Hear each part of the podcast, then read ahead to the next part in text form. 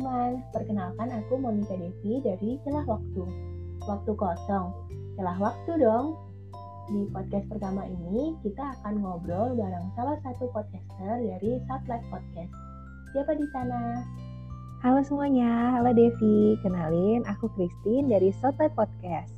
Nah, hari ini aku bakal ngobrol-ngobrol nih sama Devi. Nah, kali ini mau ngobrolin soal apa sih, Dev? Hmm, Tahu nggak sih Tin kalau vaksin COVID tuh udah masuk ke Indonesia loh. Bahkan kemarin aku sempat nonton di TV juga kalau Presiden Jokowi udah disuntik vaksin. Akhirnya ya ada titik terang juga dari pandemi yang udah berlangsung hampir setahun ya kalau nggak salah. Menurut kamu gimana Tin? Wah iya tuh Dev, aku juga nonton tapi kalau itu aku nontonnya di YouTube. Nah bagus banget hmm. sih menurut aku karena udah ada vaksin gitu tapi tetap ya kita harus tetapkan menjaga protokol kesehatan nih meskipun udah divaksin. Nah sayangnya meskipun udah jadi ada titik terang, tapi masih banyak loh Dev orang-orang yang nyebarin hoax terkait pandemi ini dan terkait si vaksinnya juga. Dan sayangnya banyak juga tuh yang akhirnya percaya dan malah menyebarkan juga berita-berita yang bohong itu. Iya, nggak habis pikir deh, kenapa ya orang-orang mau bikin dan nyebarin hoax-hoax kayak gitu. Kayak uh, contohnya nih, aku uh, sempat lihat di Facebook juga, kalau uh, ada hoax yang bilang kalau Pak Jokowi kemarin habis disuntik vaksin, terus langsung kejang-kejang. Padahal nggak ada tuh bukti kalau Pak Jokowi kejang-kejang. Adanya cuma berita kalau beliau itu pegal-pegal sebagai efek samping vaksin. Hmm, bener banget tuh deh. Padahal kan vaksin itu aman banget ya. Nah, tapi sebenarnya dibandingin sama di Facebook gitu ya, sebenarnya tuh paling bahaya kalau misalnya orang yang dapat suatu informasi, terus dia langsung auto share gitu ke grupnya. Karena kan itu mempercepat penyebaran hoax berkali-kali lipat ya. Biasanya hmm. sih kalau aku taunya di grup WA tuh, grup WA keluarga ataupun grup pertemanan gitu belum tentu benar tapi udah disebar aja. Akhirnya malah dipercaya dan meresahkan apalagi yang nyebar itu kan keluarga sendiri atau teman sendiri gitu. Iya bener hmm. banget sih. Iya terus koreksinya jadi susah loh kalau misalnya udah tersebar ke mana-mana gitu. Karena kan orang kalau misalnya nyebarin hoax itu kan cepet ya. Tapi kalau misalnya lihat koreksi hoax gitu misalnya berita pembenaran belum tentu disebar apalagi dengan semangat yang waktu di awal tuh yang waktu nyebarin hoaxnya gitu. Sebenarnya sih lebih parah lagi kalau dicampur sama tiktokers nih. Kan sekarang lagi booming gitu ya Dev ya. Jadi informasi oh. tuh bener-bener cepet banget kalau lewat tiktok. Iya apalagi kalau uh, tiktoker itu kan nggak cuma di tiktok doang. Kadang aku juga lihat uh, ada video TikTok yang disebar di IG, terus video TikTok yang disebar di Facebook juga. Jadi kayak uh, cepet banget penyebarannya ya. Mm-mm. Banyak banget yang viral langsung dari TikTok gitu. Nah, tapi kira-kira bisa nggak sih deh kita atasin penyebaran hoax yang luar biasa ini gitu? Wah, ini uh, lumayan berat nih. Jadi sebenarnya untuk mengatasi hoax ini uh, tanggung jawab bersama tin nggak bisa cuma satu pihak aja uh, mm-hmm. contohnya ada beberapa pihak yang berperan besar nih terhadap penanganan hoax seperti media, pakar, dan masyarakat. Wah, setuju banget nih sama Devi. Kemarin tuh aku juga sempat baca kayak survei gitu ya yang dilakuin sama John Hopkins. Itu di tahun 2020, dia kayak neliti gitu sama masyarakat. Nah, menariknya itu tuh ada hasilnya yang mencerminkan dari ketimpangan antara paparan informasi dan juga tingkat kepercayaan masyarakat. Khususnya di sini terkait dengan COVID-19. Contohnya tuh ya, Dev. Waktu itu aku bacanya tingkat kepercayaan masyarakat tuh sama pakar atau apa ya ahli istilahnya seperti nakes atau lembaga pemerintahan itu tuh sebenarnya besar loh sampai 50 sampai 70 persen. Tapi paparannya itu terhadap masyarakat sebenarnya masih rendah, kayak cuma 20 sampai 30 persen aja. Sementara kalau misalnya televisi nih kan banyak ibu-ibu nonton gitu kan ya, 70 persen gitu lah kurang lebih paparannya. dan kepercayaannya tuh sebenarnya besar juga loh dengan paparan 70%, dia kepercayaan itu mencapai 50%. Nah, tapi sayangnya kalau misalnya lihat TV kan masih banyak yang hiburan aja ya, kayak sinetron gitu kan ya ada ikatan cinta atau apa gitu. Jadi iya. kurang edukasi ya. Sayang banget ya, padahal dia paparannya bisa dikatakan yang paling besar ya sejauh ini ya. Mm -mm. Bener banget tuh, padahal bisa dengan memanfaatkan potensi yang ada nih, mengoptimalisasi dari kepercayaan masyarakat yang tinggi sama media itu ataupun sama pakar dengan memperbanyak edukasi yang ada di medianya, misalnya di TV jadi sering ada iklannya, bagaimana hmm. menerapkan kesehatan atau lagi acara yang biasa kan ada live live gitu, mereka jadi pakai masker gitu. Sekarang sih aku lihat udah mulai mengarah ke sana ya jadi banyak yang udah pakai masker. Kalau dulu kan masih face shield aja gitu Uh, iya tuh Tin aku kemarin juga sempet lihat ada yang face shieldnya malah kayak cuman aksesoris gitu, nggak bener-bener mm. uh, melindungi. Bener sih. Iya. Mm -hmm. Betul nah, banget tuh uh, Itu dari sisi ini ya Tin berarti ya dari sisi media sama dari sisi pakar ya? Iya betul banget tuh deh. Nah, berarti sekarang uh, dari sisi masyarakat juga nih harus aktif dalam uh, menangani hoax. Nah, hmm. sekarang gimana ya dari sisi masyarakat? Kalau dari sisi masyarakat uh, sendiri sih ya, uh, kita tuh perlu uh, bisa mendeteksi hoax nih, dan kita bisa melakukan hal itu dengan uh, tiga cara, yaitu uh, identifikasi siapa yang buat informasinya, dia itu orang yang kompeten nggak Misalnya kalau misalnya kita dapat sumbernya itu uh, dari blogspot atau dari website-website yang uh, bukan sumber resmi, nah itu kita perlu lebih teliti lagi nih karena kan bisa jadi informasi yang dibagikan itu uh, informasi yang kurang kompeten gitu tin. Mm -hmm. Itu cara pertama.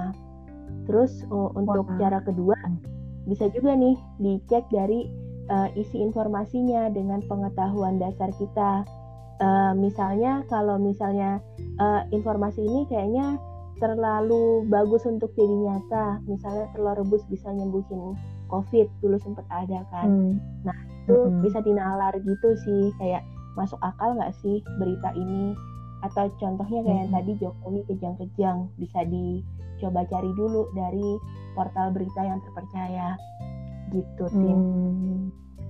wah Dan setuju banget tuh mm -mm. Dan yang uh, ketiga, uh, kita juga bisa lihat uh, dampak dari sharing ini. Kalau kita sharing ini tuh bakalan berdampak baik atau buruk ya.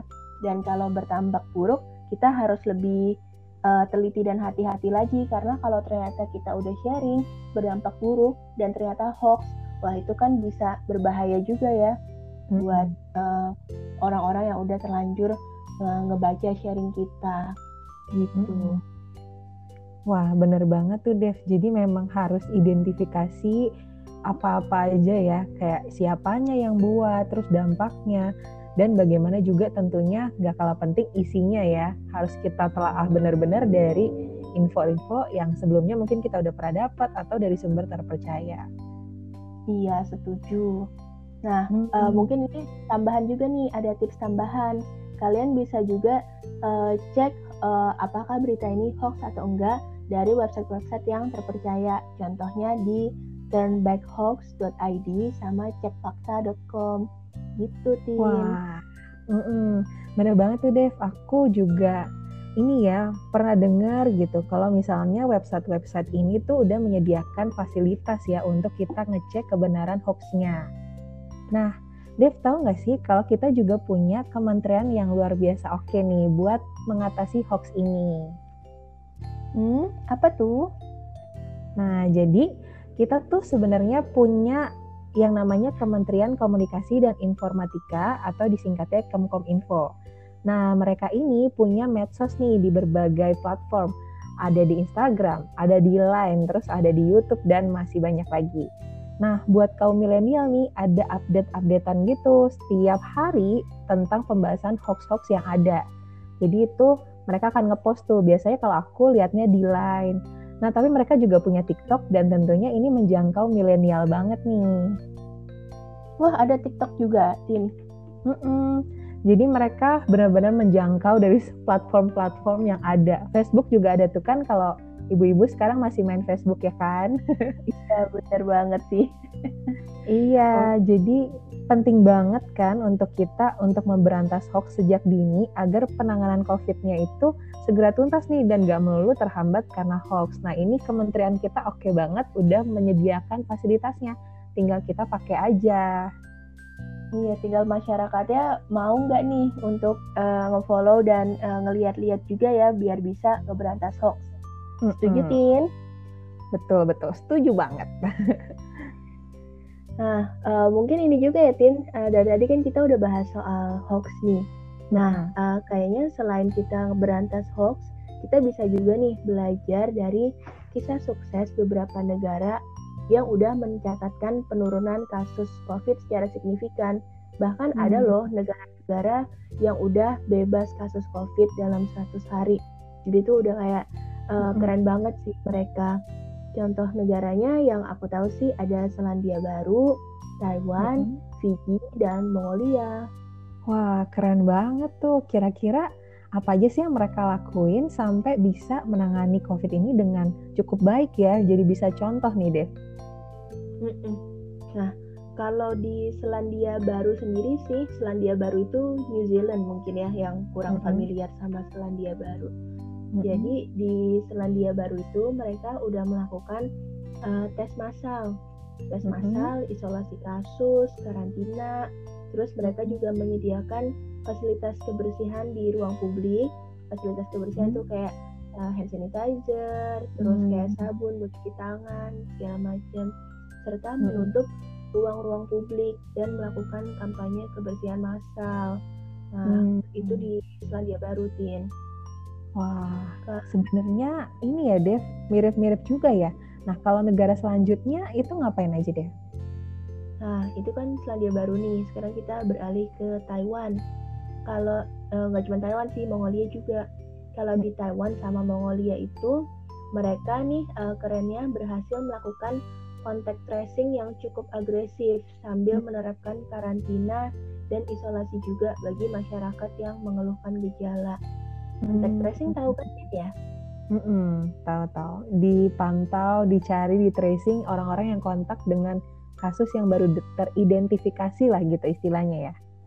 Iya, jadi kayak kita bisa uh, lihat nih, ini orangnya udah menunjukkan gejala nih, kira-kira mereka dia ini pernah uh, ketemu sama siapa aja kontak sama siapa aja jadi tuh uh, bisa lebih sigap gitu dalam hmm. penanganan kasusnya hmm. Nah terus kalau misalnya tadi ada satu lagi nih Dev yang Fiji ya nah Fiji hmm. tuh ngapain nah kalau langkah yang diambil Fiji nih uh, lumayan ekstrim nih dia jadi si negara Fiji ini dia sampai menutup perbatasan perdagangan serta uh, pariwisata yang mana itu tuh sebenarnya penggerak ekonomi mereka tapi hmm. mereka uh, tetap hentikan untuk melindungi populasi mereka. Ini salah satu langkah hmm. yang cukup ekstrim sih ya. Hmm benar-benar. Tadi sih kalau misalnya aku dengar kamu ngasih contoh-contoh gitu sebenarnya Indonesia itu juga udah melakukan ya. Kurang lebih tuh mirip-mirip gitu ya. Sebenarnya tuh bedanya apa sih deh Hmm, sebenarnya di Indonesia sendiri juga udah uh, ngelakuin sih, contohnya kayak hmm. ada kampanye kebersihan, terus menyiapkan fasilitas kebersihan kayak hand hmm. sanitizer, hmm. tempat cuci tangan itu aku uh, lebih mudah sih temuin di tempat-tempat umum hmm. dan juga sempat menutup ruang publik. Contohnya hmm. pas kemarin PSBB kan, PSBB-nya hmm. ada uh, ada jilid-jilid juga gitu. Uh, nah, tapi sayangnya hal tersebut belum dilakukan uh, dengan ketat nih, uh, baik dari sisi pemerintah maupun dari sisi masyarakat. Kalau aku sendiri sih uh, lihat masih banyak orang yang keluar tanpa masker, terus tidak menjaga jarak. Padahal udah banyak korban-korban yang berjatuhan. Bahkan di lingkaran uh, keluargaku aja dan lingkaran tempat tinggalku tuh juga udah ada yang berjatuhan gitu, Tin. Kalau di sana hmm. gimana? Wah, iya tuh Dev, bener banget. Kemarin juga ada ini ya, istilahnya kayak teman kerja aku gitu.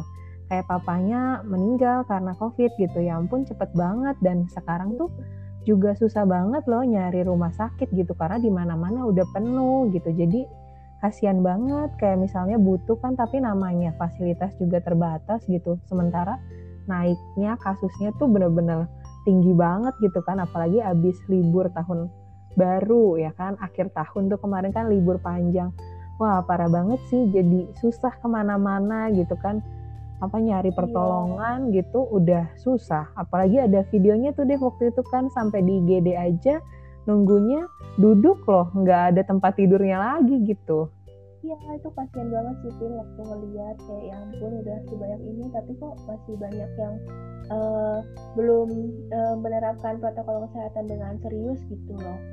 Mm-mm, benar banget tuh Dev. Jadi memang butuh kerjasama ya dari masing-masingnya nih, masing-masing dari masyarakatnya nih.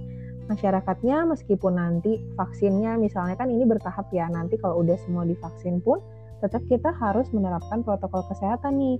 Masyarakatnya tuh mau di mana pun sama aja, tetap harus menerapkan protokol. Mau di desa, mau di kota, mau yang kerja ataupun yang lebih banyak di rumah atau kompleksnya aja gitu kan tetap harus menerapkan 3M itu yang memakai masker tentunya dengan benar yang sampai nutupin hidung dan juga mulut bukan hanya mulutnya atau hanya hidungnya aja gitu kan terus M yang kedua mencuci tangan nah ini sesering mungkin jangan lupa pakai sabun gitu kalau hand sanitizer sebenarnya tuh boleh dipakai juga nah tapi kalau ada air sama sabun mendingan air sama sabun tangannya juga jadi enggak cepat iritasi kan kalau hand sanitizer ada alkoholnya gitu kan. Jadi kan iya. tangannya lebih kering gitu. Nah, kalau yang ada air sama sabun kan juga lebih melimpah di mana-mana ya kan gitu. Dan jangan lupa tentunya jaga jarak nih yang 1 sampai 2 meter dari orang sekitar kita gitu. Dan tentunya kalau udah sama 3M, kita harus juga menghindari yang namanya 3K, yaitu kontak erat, kerumunan dan juga kamar atau ruang yang tertutup. Nah, jadi kita harus buka-buka juga tuh jendela rumah kita gitu. Sembari pemerintah menggiatkan nih yang 3T yang disuruh sama WHO itu, yang testingnya diperbanyak ya kan, tracingnya juga diperketat tuh seperti yang tadi udah dijelasin Devi di negara Taiwan dan Mongolia ya tadi ya. Iya, benar sih. Hmm, dan juga T yang ketiga itu treatment. Jadi mereka mengoptimalisasi juga bagaimana sih pengobatan sama COVID-nya ini gitu. Wah, berarti uh, masyarakat uh, termasuk kita juga ya, Tin, perlu ingat mm -hmm. nih sama uh, rumus ya 3M sama 3K ya. Rumus mm -hmm. Zero COVID-19 ya, Tin. Mm -hmm. Jadi memang harus inilah menerapkan itu menerapkan 3M-nya dan menjauhi si 3K-nya ini. Setuju. Nah, uh, ayo deh kita kawal terus sampai COVID ini benar-benar hilang ya. Mm -hmm. uh, Oke, okay. kayaknya inilah akhir dari celah waktu kali ini. Semoga dapat bermanfaat dalam mengisi kekosongan celah waktu kalian ya. Terima kasih juga ya, uh, Christine atas waktunya. Iya, sama-sama deh. Semoga bisa mengingatkan juga ya kalau kita semua sama-sama punya peran untuk memberantas si COVID ini biar cepatan pergi gitu. Mm-hmm. Setuju, pengen balik lagi kan, makan mm-hmm. eat, jalan-jalan, segala macam. Iya, betul banget tuh deh. Oke deh, kalau gitu uh, sampai jumpa di celah waktu yang akan datang. Waktu kosong, celah waktu dong. Dadah. Dadah. Mm -mm.